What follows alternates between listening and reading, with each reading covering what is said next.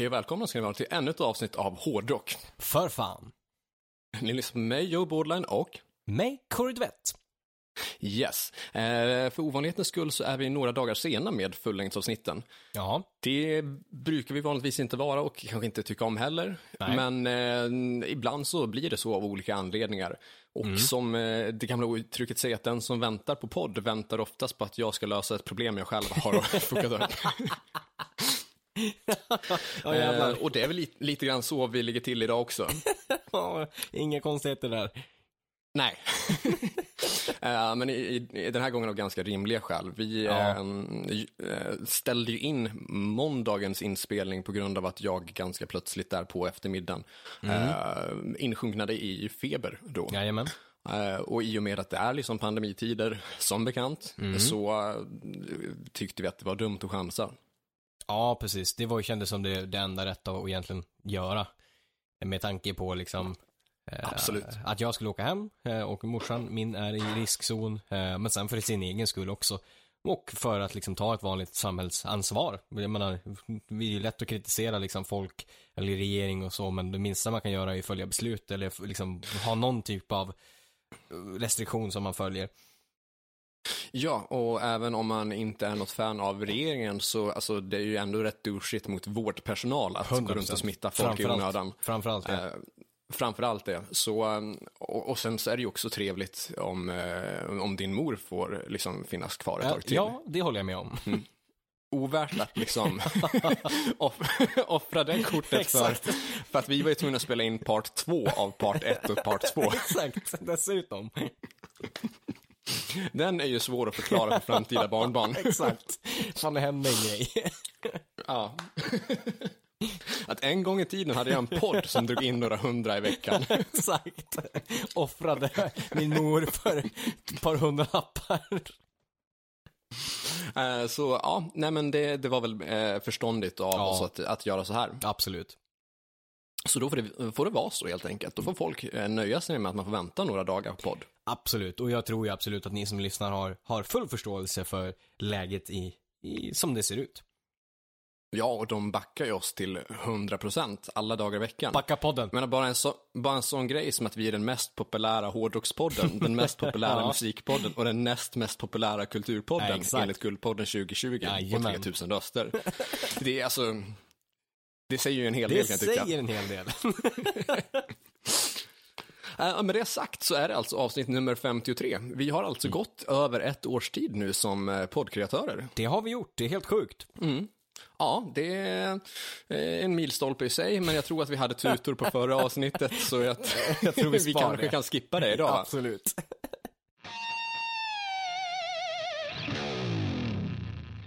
Eh, på det personliga planet, har vi något nytt att, att tillägga där? Alltså gällande oss, bortsett Ja, från att vi är coronafria. Eller jag är Exakt. coronafri. Du är coronafri. Har du corona? Jag är inte corona. Nej, ja, men då så. Men- Och har du det så är det symptomfritt i alla Ja, fall. exakt. Det är så är det ju. Mm. Eh, men ja, på det personliga planet, eh, där kan ju jag eh, gå ut med nyheten. Det har ju legat ute ett tag, men nu kan vi faktiskt prata om Save the Noise. Ja, exakt. Det har vi, vi ju suttit och väntat på att få dela med Ja, oss av. exakt. Framförallt du. Precis. Eh, och där har vi ju liksom gått ut med att vi ska släppa en låt. Eh, vi som ligger bakom det här projektet är Jesper Lindgren. Mm. Berätta först, vad är Save the Noise för något? Save the Noise är en, en väl, ett väl, välgörenhetsprojekt eh, som eh, drivs i förmån för Musikerförbundets krisfond. Mhm, Och där det kommer släppas en låt eh, där alla intäkter från liksom fysisk försäljning, digital försäljning, merchandise, you name it. Allting kommer gå till Musikerförbundets krisfond. Eh, för att hjälpa liksom musiker i Sverige och eh, i den liksom tunga tid som, som det är liksom. Det har ju slagit hårt mot musiker. De, framförallt som, som har liksom haft det som ett fulltidsjobb. De har ju tappat sitt jobb. Ja, visst är det så. Eh, Så det är ju ett vä- väldans fint initiativ och som verkligen Mm. ligger rätt i tiden. Så är det absolut. Och vilka är inblandade i det här då? Vilka är Eh, inblandade i Save the Noise? Det är jag och så är det ju Jesper Lindgren som vi haft som gäst tidigare. Ja. Och sen så är det också Martin Sweet, eh, gitarrist Mm. i Crash Diet. Eh, Ja, visst, gamla barndomsidoler. Exakt. Eh, Så det är vi som driver det. Och sen så kommer det vara ett gäng gästmusiker, artister, både eh, instru- instrumentalister men också sångare. Och de två första som vi nu har släppt är eh, Åge Sten Nilsen och Trond Holter från Wigwam, det norska kultbandet. Yes, fint att få med dem. Ja, det är väldigt fint. Kul att få just samarbeta med Norge också. Eh, så varje, vi har släppt dem och på tisdag kommer vi Heja släppa... Norge. Ja, exakt. Och på tisdag släpper vi fler artister. Eh, och det kommer vara så att varje vecka så släpper vi, typ varje tisdag tror jag vi kommer släppa nya artister då. Det är ju svinbra. Det är kalasbra. När förväntar eh, liksom, det, allmänheten sig att kunna få höra det här materialet som ni sitter på? Förhoppningsvis, vi har, alltså vi har satt som deadline i slutet på januari. Det kan bli så att det blir någon, någon vecka försening där. Vi vill ju inte stressa fram det heller. Så, men runt slutet på januari, någonstans i februari typ. Mm. Vilket är Ja, då kan alltså övriga världen få höra hur bra det här är. Exakt. Mm. Fint det, fint det. Ja, eh, några andra personliga nyheter eller? Ehm, jag tror inte det. Inte från mitt håll. Nej? Eller jo, jo, jo, jo. Eh, nu släpps ju det här idag och vad är det för dag idag? Det är lördag. Eh, Ja, lördagen, 19 december. Exakt. Och då måndag den 21 december så släpper Veritas, mitt band, eh, en ny singel. Från Mhm. uppkommande EP. Eh, som heter Right Now, som är en Korn-cover.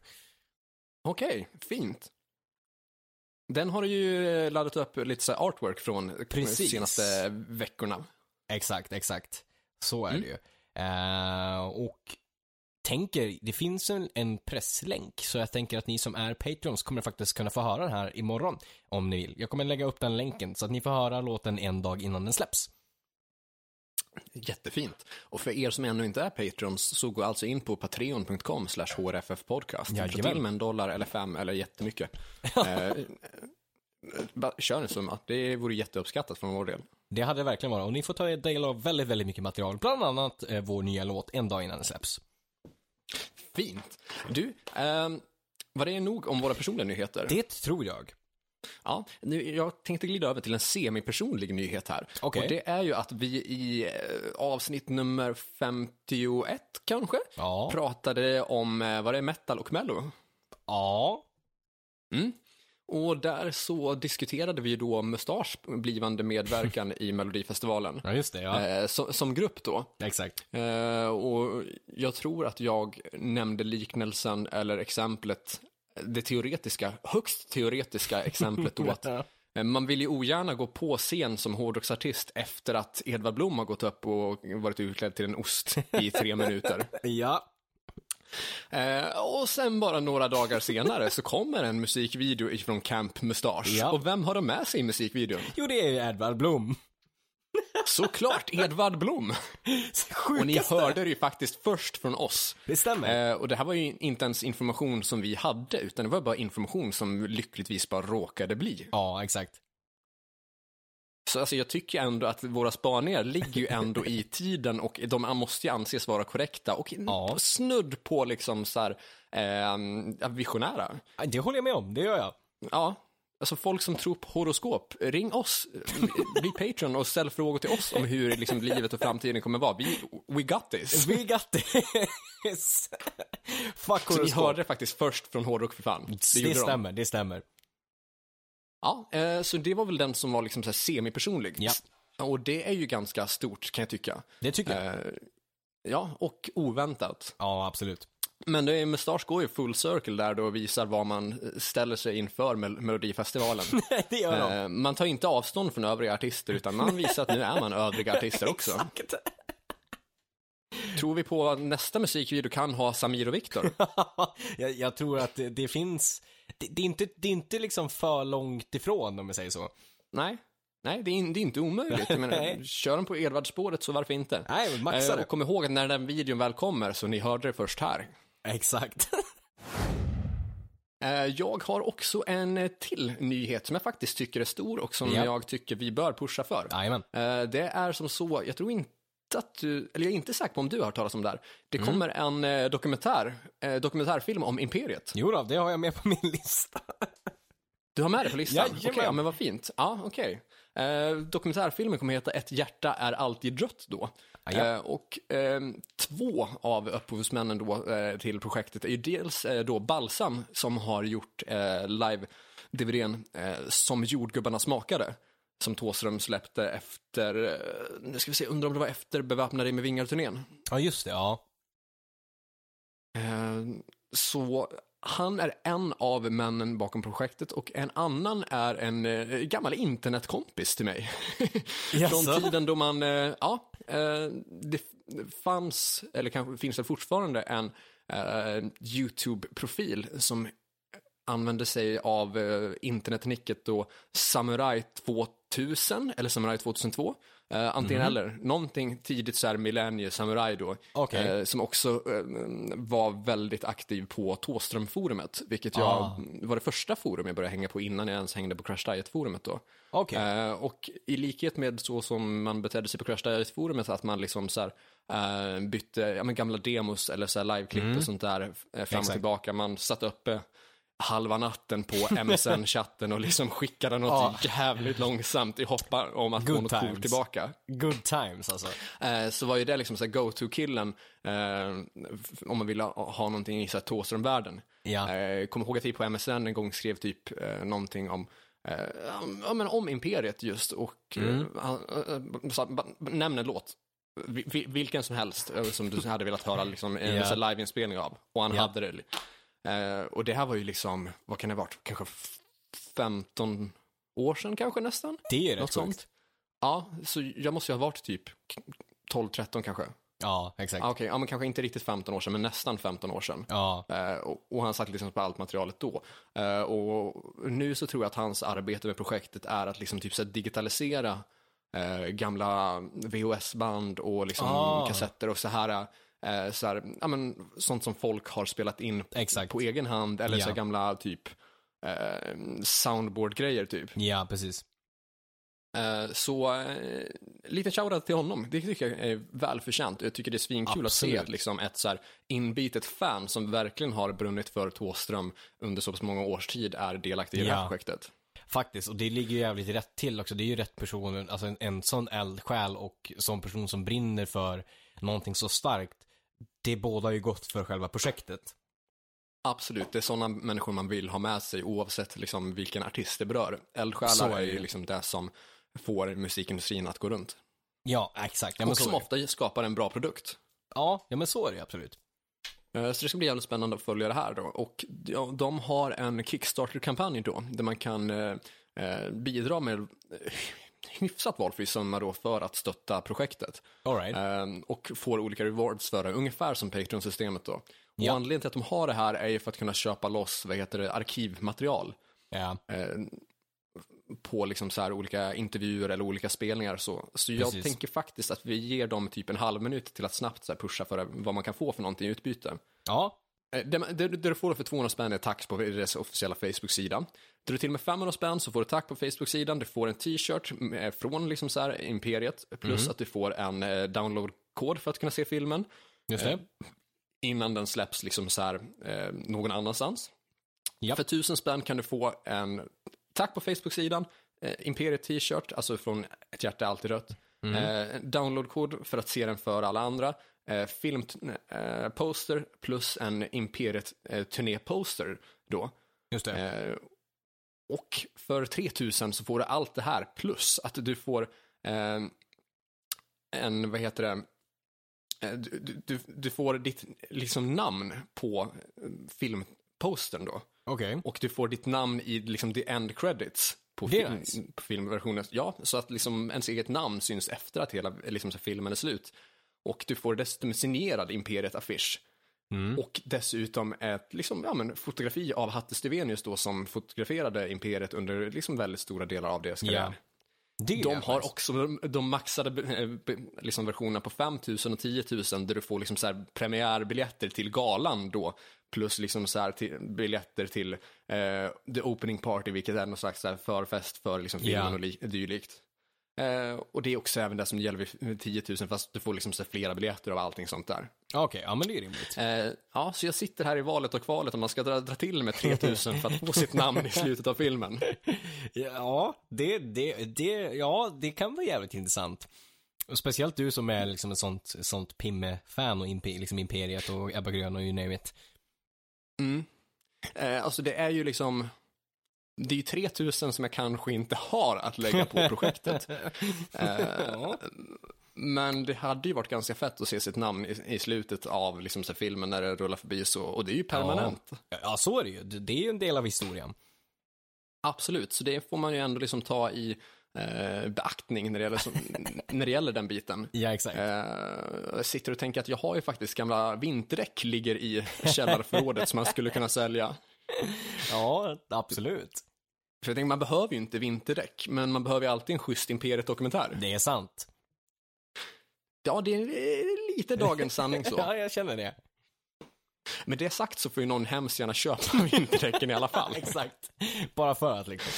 De står ju bara samma Ja, skräp. det problematiska är att liksom så här marknadsföra sina vinterdäck men också bety- poängtera att de, det, det behövs ju liksom inte. Nej, exakt. Vinterdäck är ju som, det, det är ju lite för töntar så. Ja, absolut. Tuffa människor har Imperiet dokumentär. Det är sant, absolut. Eh, men det är de två liksom, eh, nyheter som jag har All right. På musikfronten. Yes. Vad har du för nyheter? Jag har några nyheter här. Eh, Vi börjar i änden med att Adrian Smith och Richie Kotz, Kotzen eh, har släppt en eh, debutsingel. De släpper en platta tillsammans. Okej. Har du hört Eh, den? nej, det har jag inte. Ja, okej. Och, och ska vi bara snabbpitcha Adrian Smith från Iron Maiden Svar ja. och Richie Kotzen från Poison. Eh, ja, precis. Exakt. Mm. Eh, bra instrumentalt singelmässigt. Eh, faller pladaskt i sången. Vilket är jävligt right. tråkigt. Den, eh, det är liksom, det, det, det är bra liksom melodier och riffmässigt liksom. Det är bra, två duktiga gitarrister. Jag tror att det är Richie Kotzen som sjunger. Det kan vara Adrian Smith också. Eh, stundtals. Eh, men det är verkligen så här, när refrängen kommer så faller den platt. Det är, den är jätteintetsägande. Vilket är skittråkigt när man har två stycken bra låtskrivare som gör det här. Mm. Det hade ju kunnat blivit bättre då. Det låter som att det har mer potential än vad man fick ur det. Det känns som så. Jag menar, Richie Kotzen skrev ju typ hela liksom, eh, nu vet jag inte vilken platta av Poison det är, men den som slog bäst. Jag tror att det är Flesh and Blood, va? Ja, precis. Är det så den heter, typ? Nej, vänta, är Ja. det andra eller är det tredje? Han, han var med från typ tredje, fjärde någonting. Tredje eller Eller? fjärde? Ja, jag tror det. Precis. Tredje plattan tror jag, Flesh and Blood. Eh, ingen, ja, jag ska inte säga säkert, jag är inte ett världens största Poison-fan, men vi säger någonting sånt. Är det fel så är det fel. Ja, jag, jag är inte heller superstort fan av Poison, men typ runt platta 3-4 Det låter var, eh, Richie Kotzen med. Precis. Eh, och jag menar, Adrian har skrivit jävligt bra grejer också. Eh, men nej, tyvärr, föll platt. Men för, kanske att plattan, att det finns bättre spår på den, det får vi ju se. Mm. Ja, men fan vad tråkigt. Ja. Native Tongue tror jag var första som Richie Kotzen var med på, Oj, verkar det som. okej. Och det borde vara fjärde då, va? Ja, precis. Men var med på som i spela? Ja, Okej. jag såg, han, han hoppade väl på från och med Flesh and Blood-turnén. Ah, just det. Men däremot så vet jag att han har skrivit åt dem tidigare. Ja, det är my- mycket möjligt. Så någon av de tidigare plattorna skrev han i stort sett alltihop på, men inte spelade, men skrev åt dem. All right. okej. Så kan det mycket väl vara. Mm. Det ska jag låta vara osagt. Jag är som sagt inte heller Nej. superstort fan av Poison. eh, och jättesvårt att förstå folk som är det. Faktiskt. Eh, oh ja. De, de, de finns ju där på något De, sätt. på något höger gör de ju det. Mm. Alltså det är klart det finns bra Poison-låtar. Absolut. Ett, ett gäng dängor och sådär, men jag har ju svårt att motivera att köpa hela diskografin. Nej, det skulle man ju inte göra lätt. Man sträcker sig till att köpa kanske en platta om man hittar den på typ en loppis eller någonting. Absolut. För att ha i vinylsamlingen typ, om den kostar Ja, 40 det kan spänn. vara trevligt om det är, ja, jag tänkte erbjuda 50 spänn till och med om det är bra skick. Ja, men det är rimligt. Om det är bra Eh, skick. Mm. Ja, kostar de 40 spänn styck, då kanske man till och med kan köpa två. ja, absolut. Så är det. Men alltså, jag skulle inte klicka hem så här fullpris på en ny Nej. Poison-vinyl. Det skulle inte hända. Aldrig i livet. Absolut inte. Nej, verkligen inte. Från Poison till eh, David Hasselhoff. Ja, ja men just det. Ja. Ja, är, är det dags nu? Nu är det dags. Vi har pratat om att det ska komma grejer härifrån och nu har det äntligen kommit en hårdrockslåt från David Hasselhoff tillsammans med Q-Stack heter de. Eh, och har släppt en officiell musikvideo. Eh, har du hört denna låt? Mm, nej, jag har inte det. You're in for a fucking treat. Det, sjuk... Blev det bra? det sjuka är att det är bra. Nice! The Hoff levererar. Exakt, det Hoff levererar. Jag menar, ja, tungt. det är väldigt tydligt att det är gjort mycket till studio och eh, vi har David Hasselhoff eh, som beter sig som David Hasselhoff i videon. Eh, men det sjuka är att det funkar jävligt bra. Det är en, det, jag är böjd att säga att det är en hit. Nej, men fan vad fint. Det här värmer ju eh, riktigt va- varmt så här. Jag gör ju Det, alltså det här, fan vad glad man blir. Eller hur? Han, han går Precis in, vad vi behövde. Exakt. Han går in med att han ska leverera bra material och ska köra ett par metal-låtar. Och det är precis det han gör. Han levererar. Mm. Världsregeringen sitter här liksom och funderar på, vi är inne i en andra pandemivåg, vad ska vi göra? Och de bara, skicka in The Hoff. Exakt. Släpp hårdrockssingeln nu. Precis så. Åh, man tror aldrig att frälsningen är närmare än, eh, liksom, än när The Hoff är i närheten. Nej, det är ju lite grann så. Ja, men vad fint, vad fint. Vad, har, har vi några mer nyheter? Ehm, vi har inte så mycket mer där faktiskt. Eh, eller jo, okej. vi har en Har anekdot det? där som jag läste, som jag tyckte var väldigt fint. Eh, det här, Ja, det här, och vad har vi då? Rock-Sverige publicerade den här eh, anekdoten den eh, 8 december. Eh, Okej. Och då var det 16 år sedan eh, den 8 december som Dimebag dog. Okej, ja. Och- det är trist. Då hade han, hade, de- eller hade de pu- publicerat en bild på, eh, på Vinnie Paul, eller på, jag menar säga, med, Mm. på Dimebag och eh, Eddie Van Halen. Ja. Eh, och eh, berättar hur Van Halen var ett väldigt, liksom, var väldigt betydelsefullt för Vinnie Paul och eh, Dimebag. Eh, Mm. Och att de, all, de hade en så här, warming up-grej där de stod vid sidan av scenen och eh, liksom, de hade ett, deras code word eh, s- eh, för liksom att nu kör vi var Van Halen Man.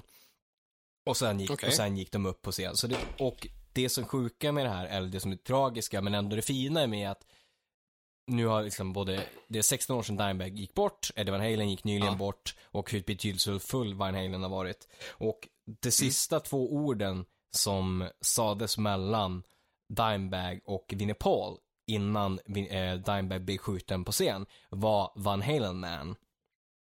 Okej, det är fint. Det, det, Det är så tre ord, men ändå fint. det är typ så. Det, man, det, är så här, det är få ord, inte mycket sagt, men ändå så betydelsefullt att det ändå är så, att tre ord kan betyda så mycket.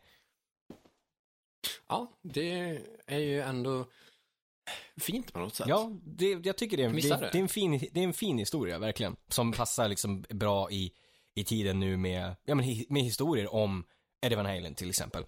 Ja, och det visar ju en, liksom så här, också på den här fanboy-känslan som aldrig riktigt lämnar en, även om man själv lyckas inom musikindustrin. Exakt. Jag menar, Pantera var ju svinstora och Absolut. sålt miljontals album. Ja, Eh, och de, alltså under 90-talet så måste ju de varit större än vad Van Halen var.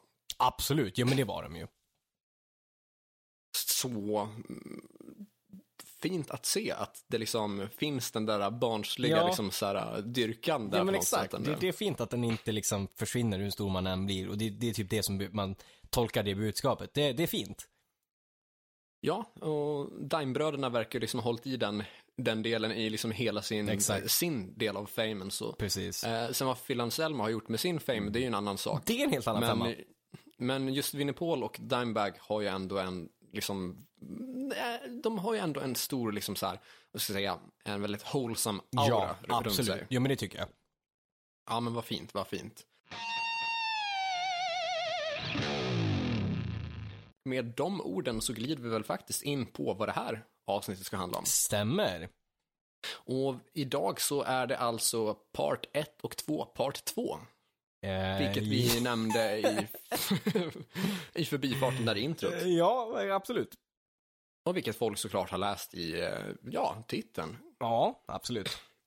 Skulle någon av en slump ha hamnat på det här avsnittet innan ni har lyssnat på det andra avsnittet, alltså det vill säga det första avsnittet, Precis. eh, så pratar vi alltså om album som hör ihop. Mm. Där du har liksom oftast en part 1 eller t- och 2 Alternativt typ eh, som när vi pratade om Queen i förra avsnittet Mm. och vi pratade om eh, A Night at the Opera och A Day at the Races. Vi pratar alltså om album som tydligt är länkade till varandra. Ja, precis, exakt. Och i det här avsnittet så tar vi upp sju olika artister Jajamän. med eh, sammanlänkade album. Eh, och det gjorde vi väl förra avsnittet också, vill jag minnas. Precis, stämmer bra. Ja, eh, ska jag dra till med något exempel Det på kan listan? du göra. För jag hade fyra och du hade tre. Absolut. Du kan börja. Ja, vi kan väl börja då med eh, en klassiker då för att eh, behålla lite lyssnare. exakt. Behöver inte gå direkt på Lil Peep utan Nej. vi... eh, nu, nu, nu får vi mata den stora massan Ja, av våra liksom, lyssnare och Ja. dra till med Kiss. Ja, och där så är det väl första gången som vi pratar liveplattor i de här avsnitten i alla fall. ja, eh, av de här två. exakt. Eh, och det jag syftar på då är ju Kiss Alive-serie. Ja, Där man eh, 75 släppte Alive, 77 släppte Alive 2, yes. 93 släppte man Alive 3 och sen så hade man också två bubblare där som mm, så här halvt passar in. Och då har du Alive The Millennium Concert, Ja, just det. vilket då är eh, inspelat med år, där vid årsskiftet 99-2000. Just det. Eh, och sen så har du Alive 4, Kiss Symphony från 2003. Ah, just det, ja. Ehm, och um, ska vi, ska vi diskutera redan där vilka som hör, hör ihop till den här? För alltså egentligen så alla är ju Alive. De har ju Alive i titeln och alla är ju liveplattor. Ja, det sjuka är ju att man börjar ju tappa redan egentligen vid Alive 2. mm. Ehm, för att så här, Alive 1, då hade de släppt tre studioalbum. yes. Så livematerialet där består ju enbart av låtar från de tre första skivorna. Ja, precis. Alive 2 består enbart av eh, livematerial från platta nummer 4, 5 och 6. Just det. Men det, det är en dubbelvinyl, så sida A, B och C Ja, är från de, från de tre skivorna då som är nya. exakt. Men sida D, alltså B-sidan på andra vinylen, är ju bara studiolåtar Ah. på nya, tidigare osläppta låtar. Just det, just det. Mm. Så alltså man fortsätter ju med konceptet med att all live-materialet ska bara vara från de tre nya albumen som ännu inte har spelats in live. Ja, Men man började också fuska där med att köra in en fyra nya låtar tror jag. just det. Så det är ju typ 75% av den som är live medan de Åh. resterande 25% är nytt och Precis. studio. Exakt. Ehm, och då har vi inte ens pratat om hur mycket av liksom, så materialet som är fusk live eller inte. Nej, precis. Men det är alltså tre fjärdedelar som påstås vara live. Ja, precis. Och med, det ändå påstås liksom. Ja, medan liksom så första Alive är 100% material som påstås vara live. Mm. Eh, och där går man ju ifrån konceptet till 25% i alla fall Ja, redan vid Alive 2. Exakt. Sen eh, dröjer det till Alive 3, alltså det är 16 år mellan de här då. Så det är ju jävligt hopp Precis. Det är det ju. där. Och, eh, det här beror ju på att man byter väldigt mycket medlemmar. Eh, Alive 1 och 2 är ju inspelade med originalmedlemmar. Alive Ja. 3 däremot, då har man ju Eric Singer på trummor. Just det, eh, ja. och Bruce Kulick på gitarr. Så det Ja. innebär att vid det här laget så har man ju dels redan sparkat Peter Criss, Ace Frehley har hoppat av och Mm. Ja. sen så har man tagit in Vinnie Vincent. Ja. Sen har Vinnie Vincent hoppat av. Mm. Sen har man tagit in Mark St. John och sen har Mark St. John fått reumatism. Och sen det. har han då bytts ut mot Bruce Kulick och sen så har eh, eh, Eric Carr då, som har tagit över trummorna efter Peter Criss, han har då hunnit med att dö. Och sen Ah. har han spelat in en platta då med Eric Singer. Just så alltså, det. det har ju gått väldigt många medlemsbyten under en tid. Det har det. Och fast han har släppt jättemånga skivor Mm. under den här tiden så är livematerialet beståendes av liksom musik från typ, alltså låtar från hela karriären. Just det. Så då har man gått ifrån konceptet att det bara ska vara nya låtar på liveskivan. Ja, ah, precis. Fast man har gått tillbaka till att allt ska vara live ändå. Exakt. Så att då, då är det ändå så att man igen liksom så tummar på sitt eget koncept. Ja. Eh, men går tillbaka till liksom grundidén på något sätt. Precis. Medan Alive the Millennium Concert håller samma tanke som Alive 3, att det ska vara live-låtar, men det är över hela karriären och inte liksom bara nytt material. Nej, exakt. Eh, och, och Alive 4, Kiss Symphony, är liksom live fast med symfoniorkester. Ja, precis. Ehm, tycker vi att alla de här albumen räknas i alla fall till live-serien, eller hur, hur tänker du kring de här plattorna? Alltså, du har ju det tydliga.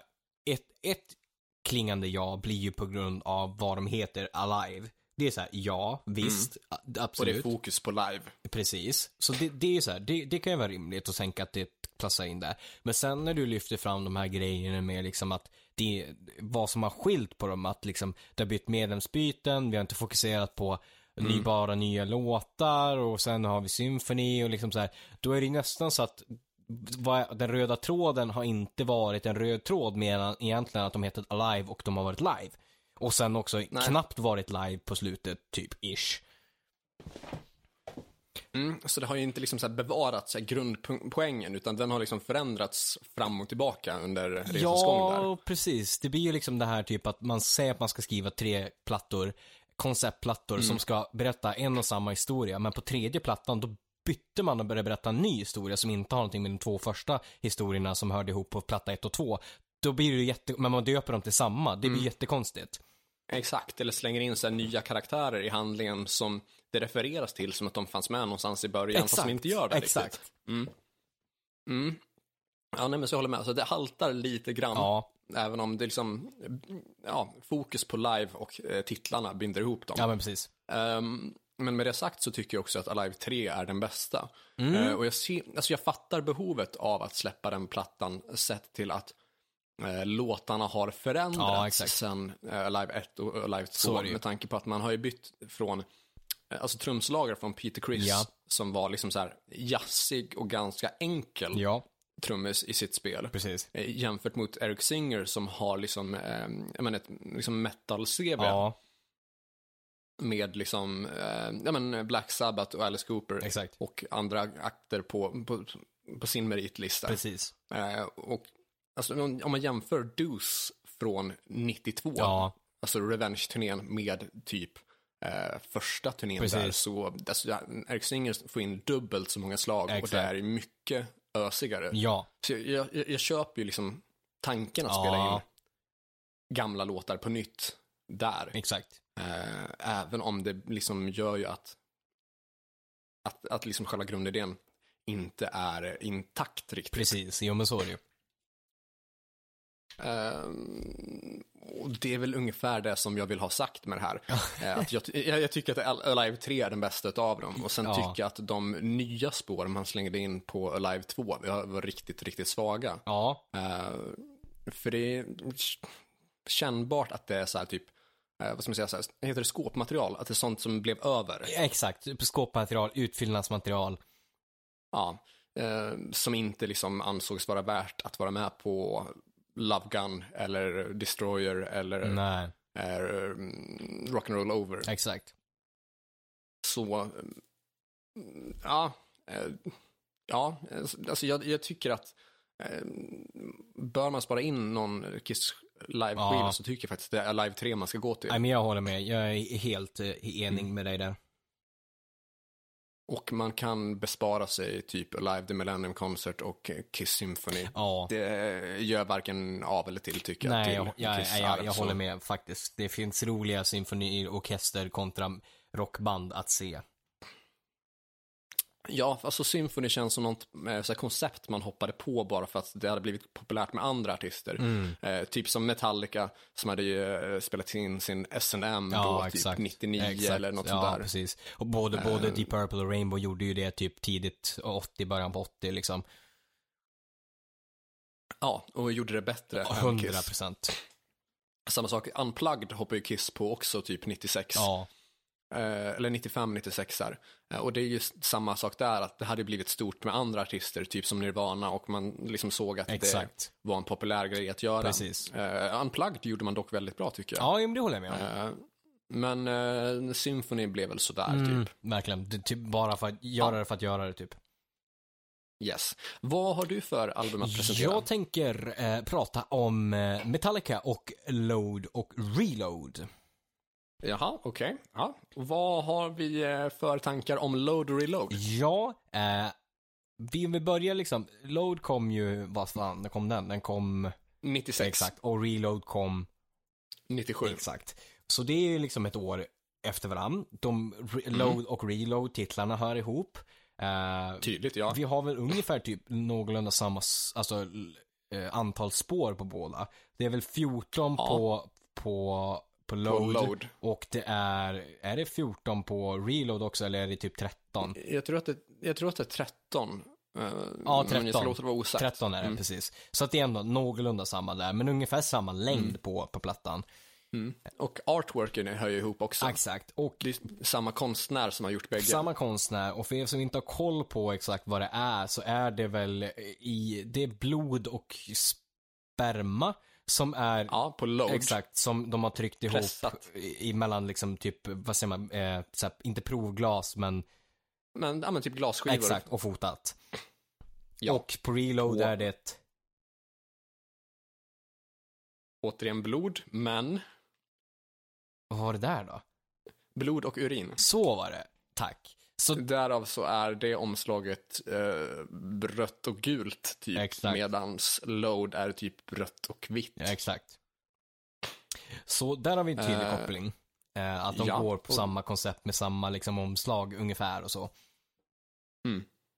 Och det var också första platt, plattorna där som man eh, bytte ut den klassiska Metallica-loggan Mm. mot, en, eh, mot en ny logga där. Precis, exakt, så är det ju.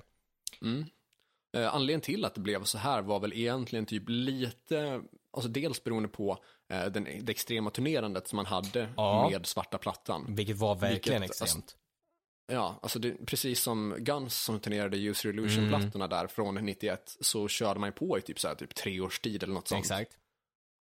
Eh, och James Hetfields far dog väl också typ kanske 94, vill jag minnas. Ja, exakt. Så det behövdes väl en viss tid av isolering från hans del innan, eh, innan det spelades in något nytt. Ja. Eh, och jag tror att anledningen till att det blev så här med load och reload hade egentligen typ med att det hade gått så pass lång tid från det att man släppte svarta plattan innan det var dags att spela in. Eh, att man hade så pass många låtar att man kände att man ville släppa. Ja, Men load och reload hade ju mått bättre av att man hade kapat en del av materialet. så är det ju. Eh, för de, de sa att de hade närmare 30 låtar, ja, men det är inte 30 svinbra låtar. nej.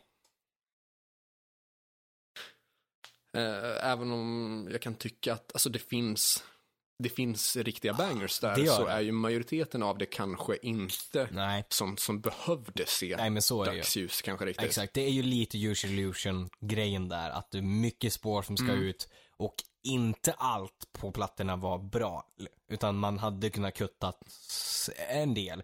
Kanske mer på load och reload än user illusion, och det säger ju en del. Mm.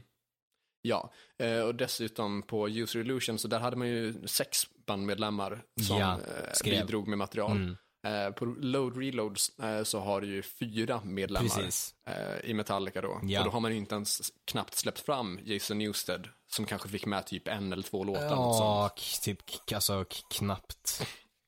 Ja, jag, jag tror att han fick writing credits på totalt kanske tre eller fyra låtar under hela sin Metallica-karriär. Ja, för, för Eh, jag och det var inte för att han var en dålig musiker, utan det var bara för att man liksom var douchiga från eh, liksom Lars och James Ja, håll. exakt. Alltså så är det. Jag tittar ju på tracklisting för Load nu och han står inte med på en, Ja. en enda låt på den. Så kanske någon på, på Reload, men inte på Load. Ja. Mm, ja, men jag har för mig att det, det är någon där i alla Ja. fall. Men, eh, ja. Och det är ju lite synd. Ja, alltså så är det ju verkligen. För jag menar, han var ju en sjukt duktig musiker och liksom vokalist. Och det Mm. och liksom synd att man liksom inte, alltså jag tror att det hade kunnat gynnat att fått in nytt blod på så sätt att man låtit någon vara med i låtskriveriet stundtals. Mm. Mm. Ja, men det håller jag också med om. Eh, och jag är också av åsikten att Jason Newsted verkligen bidrog till Metallica, framförallt under live-framträdanden. Ja, absolut. Som en jävel på backing vocal så. Absolut. Där blev det ju liksom verkligen hårdare. Eh, dels liksom sångmässigt, men han growlade ju på Mm. partier som det inte var, alltså så- det blev ett helt annat tryck i låtarna live. Ja, det blev verkligen, det blev mer, mer metal av det. Det blev det. Mm. Eh, Men med det Eh, sagt men- så load och reload Ja. har väl kanske bärsats lite väl mycket för att de är ändå hyfsade. Jag tycker att de är det hyfsade. är ett, även om det är ett stort steg från thrash metal Absolut. stycket när man ville bluesa till det och sådär. Så är det Men ju. det är ett bra gung överlag. Det tycker jag absolut. Även om alldeles för många låtar. Ja, så är hade det. man skurit ner de 27 låtarna man spelade in och släppt ett album på typ 10 spår, Mm. då hade man kunnat gjort det riktigt, riktigt bra. Det tror jag absolut. Jag menar, och på, på någonting som är en väldigt stor röd tråd på båda plattorna är ju att öppningslåtarna Mm. på båda är ju svinstark. Både på, Ja, absolut. på Load med Ain't My Bitch och sen på Reload med Fuel. Det är ju riktigt, Ja. riktigt alltså, bra öppningslåtar. Ja, och jag är också svag för låtarna uh, Devil's Dance Mm. och The Memory Remains, vilket jag, bägge, alltså jag tycker bägge de två låtarna Absolut. är uh, bland Metallicas absolut bästa, alltså av, all time. Ja men det håller jag med. Alltså verkligen. Eh, Memory Rema- Remains är ju, alltså ja men eh, verkligen en av liksom, jag skulle säga, mm, ja, topp fem för mig faktiskt. Mm. Det, det är rimligt. Ja, ja, jag är nog benägen att backa den. Alltså definitivt topp 10 i alla fall. Mm. Så det är en av mina personliga favoriter med Metallica. Ja, verkligen. Eh, men som sagt, de hade mått bättre av att liksom skalas ner i kanske antal. Så är det. Jag tror att de hade fått till ett, ett bra liksom röd tråd då om de gjorde det med tanke på att om man tittar på helheten på dem så har de ju både aggressiva låtar, ösiga låtar och skitbra nerviga ballader som typ Mamma Said och eller liksom eh, Eh, until it sleeps. Ja, exakt. Så det, då hade man kuttat det så hade man ju fått en stor dynamik i, i plattan. Oh ja, verkligen.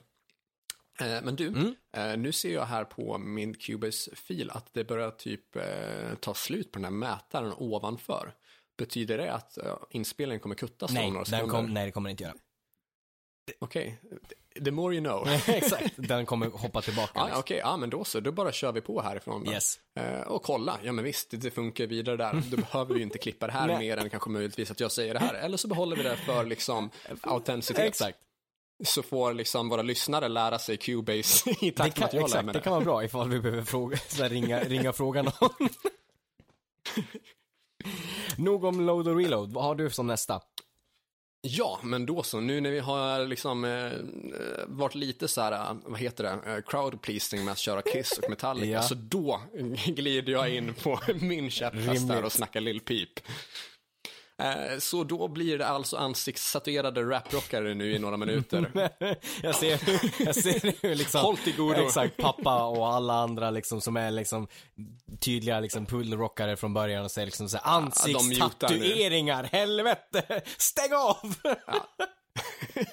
De mutar podden, hoppar fram fem minuter. Exakt, tills vi kommer tillbaka till något som vi tidigare alltid pratar om. Ehm, ja, men med då Lil Peep som är grund för kommande minuter Mm. så har ju då eh, min kära favoritrappare då släppt eh, album som hör ihop i flera omgångar faktiskt. Just det. Mm. Och då är det först två stycken EPs som heter Castles och Castles 2. Just det. Eh, De här EPsarna hör ju ihop med eh, den faktor att de är inspelade tillsammans med hans eh, crewkompis då, eh, Lil Tracy. Just det. Så det är ju rimligt att de här heter Castles 1 och 2 i och med att det är det, det är ju de två då som har gjort det här som Exakt. typ, ja men eh, samarbetsalbum liksom så. Precis. Där de delar på liksom så här vocals och så Ja. på samtliga spåren. Ehm, och ordet castles förekommer i eh, dels en låttitel, kanske två låttitlar. Just det. Ja, Men också som refereras till i texter då. Ja. Och med då be- betoning på liksom att det syftar till eh, kring bostad där liksom, att det är ens castles. Ja. Eh, de hade ju ofta en väldigt så här gothig vibe på både texter och imagemässigt då, även om det liksom kanske inte är stereotypt goth-aktiga, men alltså det är, en- det är en alternativ och emo-flörtig eh, vibe, både texter, musik och image då. Just det. Eh, så de hör ihop med de sakerna, att det är samma artister på bägge. Eh, och att det liksom är bägges liksom EPs och också att det är eh, återkommande ord på ja, men titlar och texter. Exakt. Medans eh, Lil Peeps riktiga så här, debutalbum på Label då, när han blev signad, eh, heter ju Come Over When You're Sober, Part 1. Just Det det. första liksom, så här, album som släpptes efter hans död då är Come Over When You're Sober Part 2. Just det.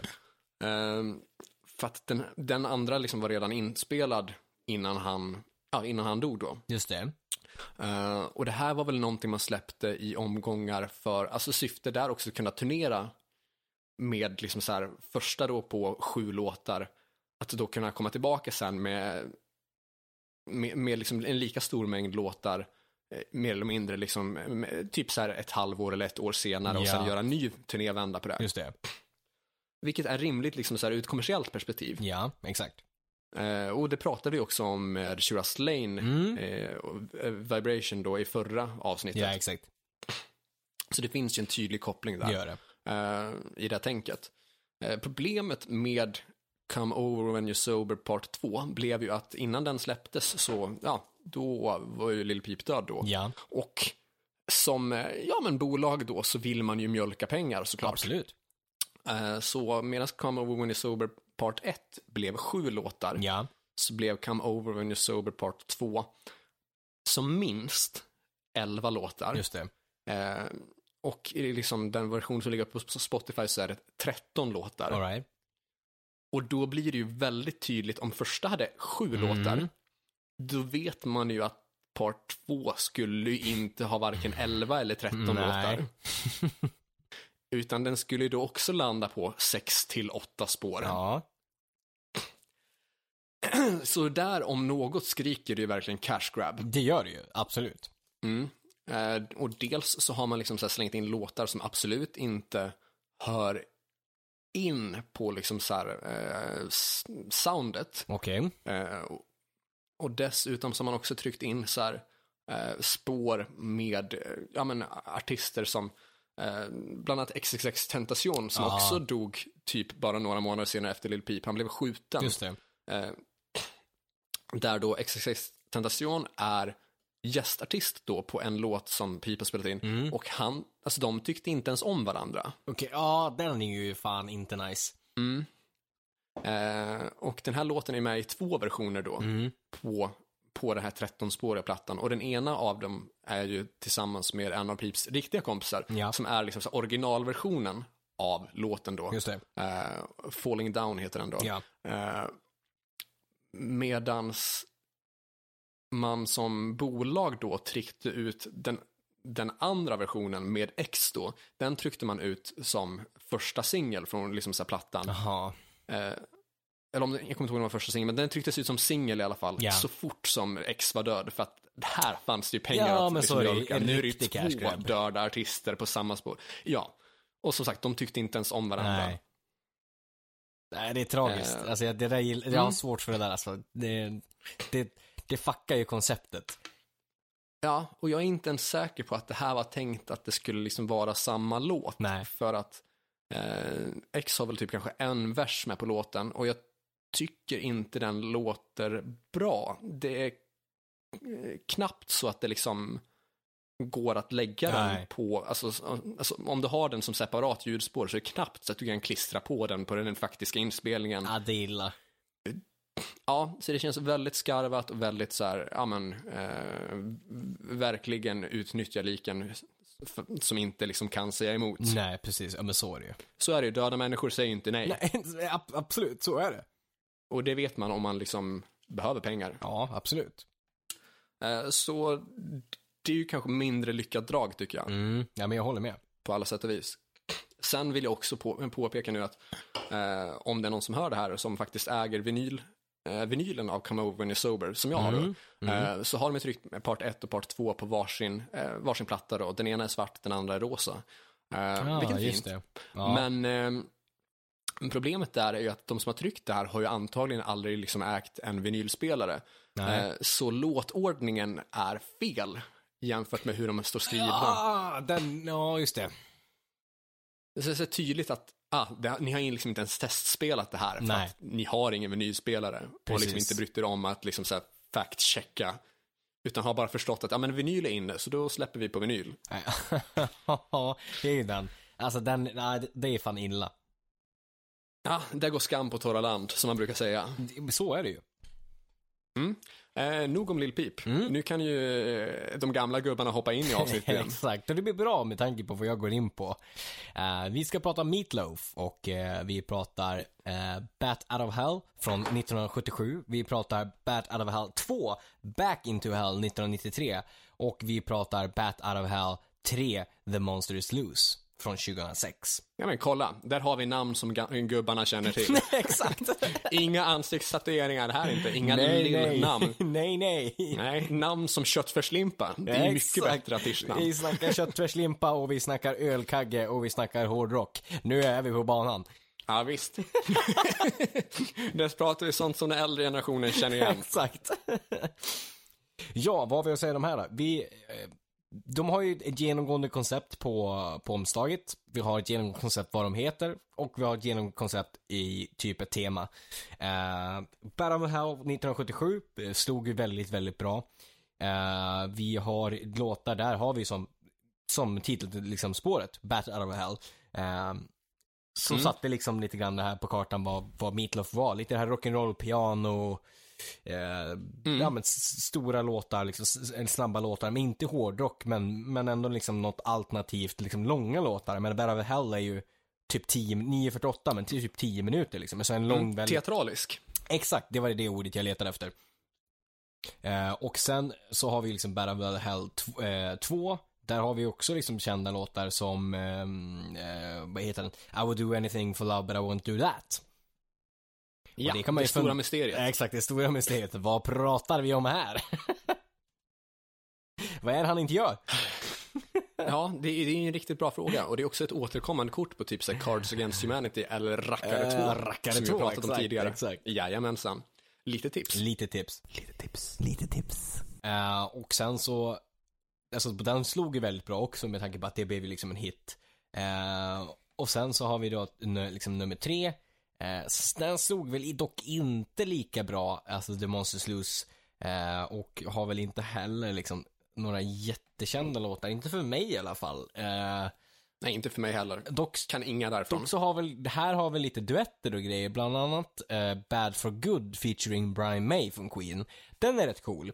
Mm. Eh, Det är fint. Det är fint. Eh, men sen så är det inte så mycket mer och den sålde inte heller på det sättet som de två tidigare gjorde. Så det säger ju en del om, om just den plattan. Mm, Eh, Ja, det säger en hel del. Och sen så är det väl långt mellan plattorna också, exakt, det det? 77 första, 93 andra, 2006 tredje. Mm. Ja, Så det är ju liksom det var ju sig bit. långt mellan första och andra plattan Ja, också. det var det ju, absolut.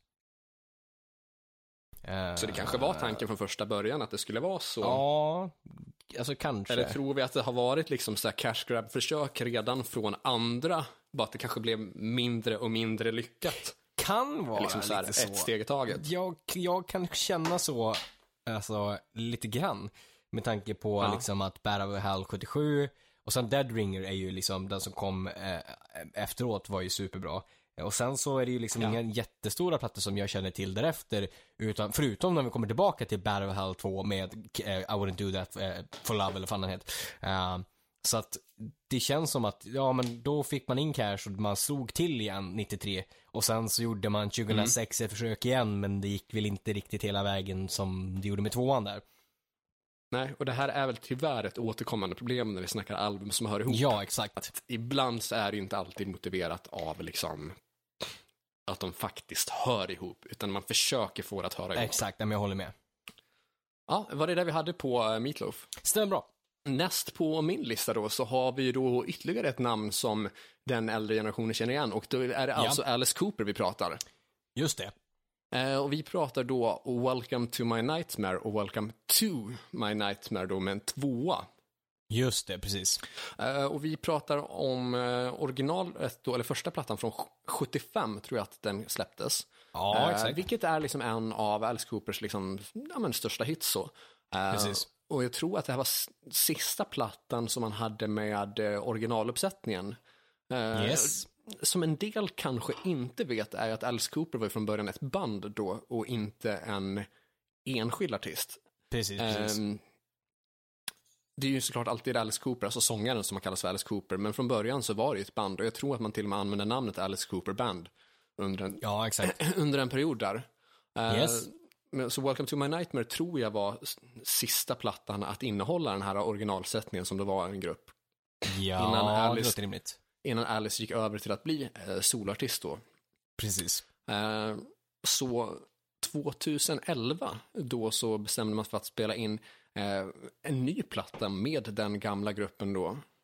Just det, Eh, ja. Och då bygga vidare på typ den story och det liksom material som fanns från eh, Welcome to my nightmare. Exakt. Eh, och det blev ju i min åsikt typ skit. Det blev inte alls bra tycker jag. Nej, jag eh, bör dock eh, hålla med. Jag gillar väl idén och tänket, men plattan i sig är ju inte bra. Nej, eh, och det är 36 år då mellan de här skivorna. Det är fan Eh, långt. Ja, och det är oftast inte en bra indikation när det kommer Nej. till alltså, så story att liksom så bygga vidare på. Alltså, för att Exakt. desto större hoppet är i tid mellan en part 1 och part 2, Mm, desto större är ju risken för cash grab. så är det absolut. För det känns ju annars väldigt orimligt att eh, plötsligt komma på att ja, men en uppföljare till den här skivan som vi gjorde för nästan 40 år sedan. Ja, men precis, ja. Absolut. Ja, utan det, det, det är ju oftast ett, eh, vad ska man säga, ett bad omen. Eh, och det tycker jag tyvärr att det är i det här fallet. Mm. Eh, jag har, jag lyssnade igenom hela plattan när den kom. Eh, Ja. Var inte imponerad. Eh, lyssnade igenom den igen nu faktiskt så sent som idag för att få en bild av vad var det egentligen jag tyckte om den här skivan. Och blev påmind om att öppningsspåret börjar ju med samma så här, pianostycke som de har med i Steven, Exakt. den gamla låten då. Och Ja. det är en av mina alltså, favoriter av 70-tals Alice som jag tycker Ja, är väldigt teatralisk och väldigt, ja men, det är en, det är en grym låt så. Men, ja, men exakt. eh, det dröjer ju inte mer än typ en 20-30 sekunder av den nya Welcome to my nightmare innan eh, de börjar tappa i intresse och smak för min del så. Och det här Nej, beror ju på att eh, Alice har lagt någon typ autotunad sång slash eh, sem, alltså typ spoken word-aktig eh, vers ovanpå det här. Mm. Och det känns ju dels extremt lite Alice Cooper och, och dessutom känns det väldigt mycket så här försök till att vara den moderna musiken Mm. eller vad man tror är det moderna. För att jag menar, så, den typen av autotune var ju inte ens inne 2011. Nej, exakt så är det. Utan det var ju, den var ju ute ur tiden redan då. Ja, så är det. Och att då liksom så här, ja men hijacka det gamla, så här Steven, eh, pianostycket, eh, känns ju inte heller motiverat. Eh, för jag hade så här, kort stund hade jag positiv inställning till det här, ja men fint om man återanvänder det här partiet. Ja, exakt. Om man kan liksom väva in det på något snyggt sätt, men det gör man ju inte, utan det blev ju ganska skräpigt där och sen eh, dröjer det inte längre än till spår tre innan man använder sig av samma spår, eller alltså samma pianostycke igen. Nej, exakt. Så alltså två av de tre första låtarna så återanvänder man ett gammalt pianostycke. Eh, utan att göra något jättevettigt av det. Och sen så typ tre av de typ fem första spåren har alla ett så här typ cirkuskomp. Eh, Mm. Så det känns som att man återanvänder samma liksom idéer om och om igen. Utan att göra något vettigt av det. Utan att man bara står och trampar kring så gamla idéer eller sånt man redan har gjort. Utan att tillföra något nytt. Som Ja, på exakt. något sätt liksom så här tillför Ja. något bra. Eh, och alltså, du, plattan heter ju liksom Welcome to my nightmare. Bara en sån grej att Ja. liksom sätta en tvåa istället för two. Ja, Känns ju exakt. också jätteutdaterat. Det var ju inte ens inne, det var inte heller inne 2011, utan återigen, Nej. man försöker vara down with the kids Precis. utan att vara ens i närheten av det. Nej, men exakt så Eh, är det ju. Och det här tycker jag är ett återkommande tema för liksom så här, hela den plattan med Alice Cooper. Eh, och Ja. det skaver ganska så mycket. Eh, ett stort problem i låten, alltså sämst tycker jag på plattan är Disco Bloodbath Boogie Fever. Ja, men, ja alltså bara enbart titeln i sig. Ja, är ju riktigt värdelös. Ja. Och spåret är ju inte bättre. Nej. Det känns återigen som försök till att liksom så här, liksom så här lajva någonting som man absolut inte är. Men Alice Cooper har ju golfat och trott på Gud i typ så här 40 års tid och där Mm. liksom varit dessutom nykterist. Han vet väl inte hur ett diskotek ser ut på 2000-talet? Ah, nej. Jag har svårt att tänka mig det. Ja. Jättesvårt att tänka mig det. Ja, men verkligen. Eh, så det här är ju, alltså det är ju en skiva som jag inte alls tycker blev bra, tyvärr. nej, jag håller med. Eh, och bara en sån sak som att vi pratar liksom Nightmare. Mm. Andra spåret heter Caffeine. Om du ska göra en mardrömsplatta och liksom fokusera på substanser. Koffein Ja. måste väl vara det löjligaste valet att ta till då. Ska det vara mardröm, Ja. då får du ju dra till med något tungt. Ja, exakt. Typ PCP Antingen- eller något sånt där. Ja, exakt. Alltså, åt det hållet, eller heroin, eller alkohol som åtminstone Ja. haft liksom så här förödande konsekvenser för Alice Exakt. Cooper en gång i tiden. Ex exakt, Prata om sånt som faktiskt är farligt på riktigt. Nej, exakt. Koffein dödar ju bara typ 12-åringar som druckit fyra Red Bull och sen spelat fotboll. Precis. Så liksom Nightmare, ja, inte riktigt. Mm, nej, det faller inte riktigt rätt på plats. Nej, så jag, alltså, jag dömer det här som cash grab. Jag håller med. Det låter som en tydlig cash grab. Fint. Vad är näst på din lista? Näst och sist på min lista eh, så pratar vi King Diamond och vi pratar Abigail och Abigail 2. Ja, Eh, eller Abigail 2 The Revenge heter den. mm. och vad har vi för årgång på de plattorna? Har du koll på det? Ja, Abigail kom 87 och Abigail 2 The Revenge kom 2002. Så det är också en bra bit ifrån Mm, det är alltså 15 år däremellan. Exakt. Eh, Och Abigail 1 är ju en hit. Det är det ju. Det är väl King Eh. Diamonds mest kända platta. Ja, jo men det är det ju. Det är det, är det absolut. Eh, även om Them sålde mer, men jag tror att den är mer kultförklarad, Abigail, på grund av konceptplattan. Mm. Och det är väl också en sån platta som han har kört, typ så här, eh, vad heter det, eh, ja men typ, vad heter det, turnéer som har varit typ så här, ja men 10 eller 20 år senare eller 25 år senare för att liksom så här, som hyllningar till, eh, till den plattan då. Exakt. Jo men så är det. Eh, så här, som har fått så här anniversary tours. Precis, jo men så är det. Och vad tycker du om de här plattorna då? Ja, alltså, Abigail gillar ju. Den är en bra konceptplatta, det är en bra, dock skev, men bra historia. Mm. Bra låtar och liksom the essence of liksom vad King Diamond är.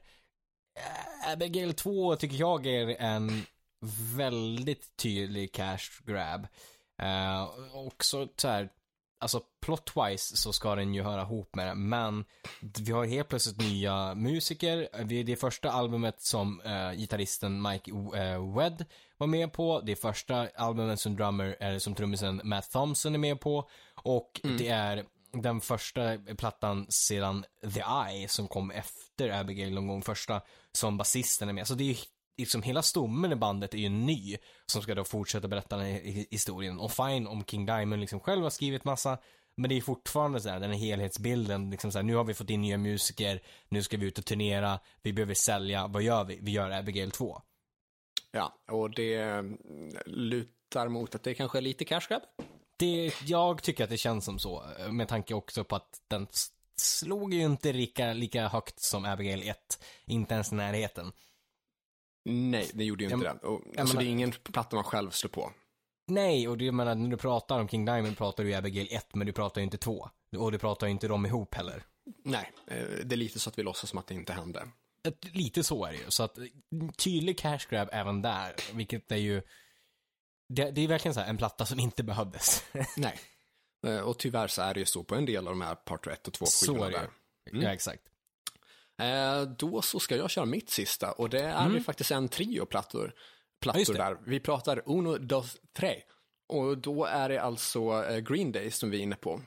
Precis, inte Eh. de mexikanska hackersarna. Nej, nej. och där är det ju faktiskt viktigt att poängtera att den sista skivan heter Trey och inte Ja. Tress. Av, den, Exakt. av den anledningen då att eh, alltså trummisen i Green Day heter då eh, Trey Cool. Eller du, han använder artistnamnet då. Just det, ja det är exakt. jättesvårt att se att hans föräldrar döpte honom till Trey Cool. Eh, och det här måste ju för övrigt vara, om vi inte har nämnt det i artistnamn part 1 och 2, så alltså Trey Cool måste ju vara typ tidernas sämsta artistnamn. Eh, absolut en av topp fem, ja. Ja, alltså det är ju horribelt. Ja. Eh, Så de här tre plattorna som Green Day släppte då heter alltså Uno, Dos, Tre. Ja, Och de kom 2012. Just det. Eh,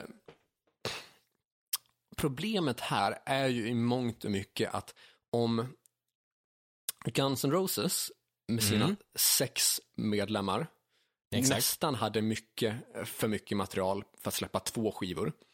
Ja, Och Metallica med sina fyra medlemmar Exakt. definitivt hade för mycket material för att släppa två medlem, äh, plattor. ja, ja. Så Green Day med sina tre medlemmar, absolut på tok för mycket material. Alltså, att- släppa då tre plattor. ja Alltså, det, det, det är inte ens nära att liksom ha rätt mängd material. Eh, nej, Eh, och det stora liksom, problemet här är att alltså Guns hade ju liksom varit aktiva i, eh, ja vad hade de varit aktiva, typ fem sex år när de släppte Use Illusion 1 och 2. Medan. Green Day då, de hade funnits som band i typ så här 25-26 år. Ja man skulle det, träffa tre, tre sammanlänkande plattor kort efter varandra. Exakt. Eh, och då, alltså, då är det 37 låtar. Just det. Du har inte 37 bra låtar på lager när du har funnits som band i 26 års tid. Nej, det är jävligt svårt att få till. Den, den, den hungern finns inte. Nej, det gör det inte. De flesta band som har funnits i 25-26 års tid, de kämpar ju för att få ihop 10 starka då till nästa släpp. Exakt, exakt. Så då att liksom förvänta sig 37 starka låtar, det är ju definitivt vatten över huvudet. Det är det verkligen. Ja, ja. Eh, Så eh, när man då släppte den här albumtrion så, nej, det blev inte bra. Eh, Och det är Nej. liksom, alltså Uno, alltså första skivan är väl Mm. nästan okej. Men Dos är svag och Trey är också svag. Ja, Eh, Och det, alltså det är inte ens, det är inte ens kul att albumet heter som, som trummisen. nej. Alltså, det, det är ju inte det. det, det är knappt kul.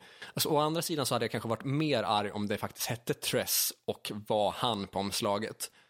Ja, Eh, det hade kanske varit mer provocerande för att det finns ett uppenbart skämt att använda sig av där, men det är inte ett starkt skämt. Eh, och Nej, det är absolut inte starkt låtmaterial. Nej. Eh, så man, man borde ha strukit hela den här idén. det håller jag med om. Det, det, det, är, det är vatten över huvudet och jag förstår inte alls hur liksom så här hur ett bolag eller någonting kunde tycka, liksom, eller bandet själv tyckte det här var en bra idé. Liksom. Så här, är det här genomförbart? Nej. Ska vi göra det? Nej. Men Nej. vi gör det ändå. Ja, jag har dumheter. Ja, nej, så man behövde inte de 37 låtarna och man behövde inte Uno Dos Trey. Eh, absolut inte. Nej, Det, verkligen. Alltså, det är nästan så att man hade liksom kunnat eh, blidkat våra latinofans där ute och döpt tredje plattan till Tress då i så fall. Ja, men lite så. Ja, eh, och där hade jag också en reminder då om att som sagt det är namnet då det är frågan om och inte det spanska ordet. Så till våra mexikanska exakt. hackers som sitter där liksom redo att fucka upp mina sociala medier, hold your horses. Exakt. Eller Exakt. rättare sagt, espere con tus caballos.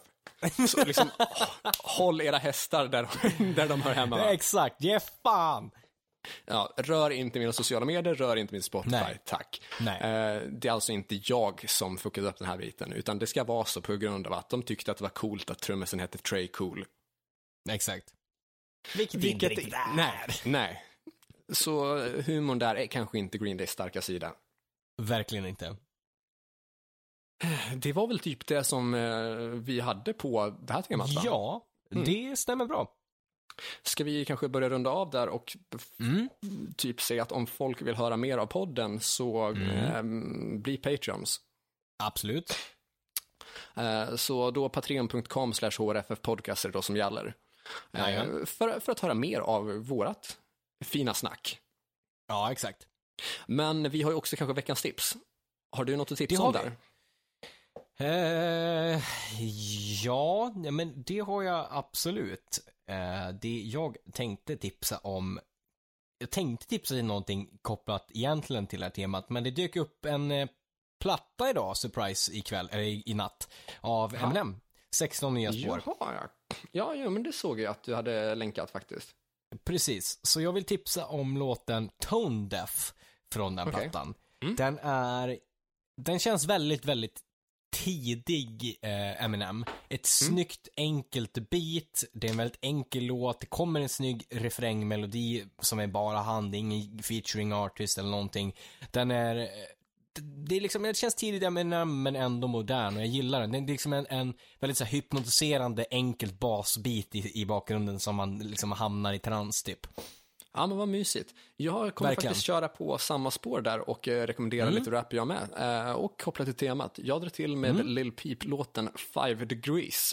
Och det är ju det. då, i och med att det är ju kallt ute liksom, och vi har pratat med ju. Peep i det här avsnittet, så då får det bli Five Degrees då. Eh, och det är från Ja. hans första mixtape som heter Lil Peep Part 1.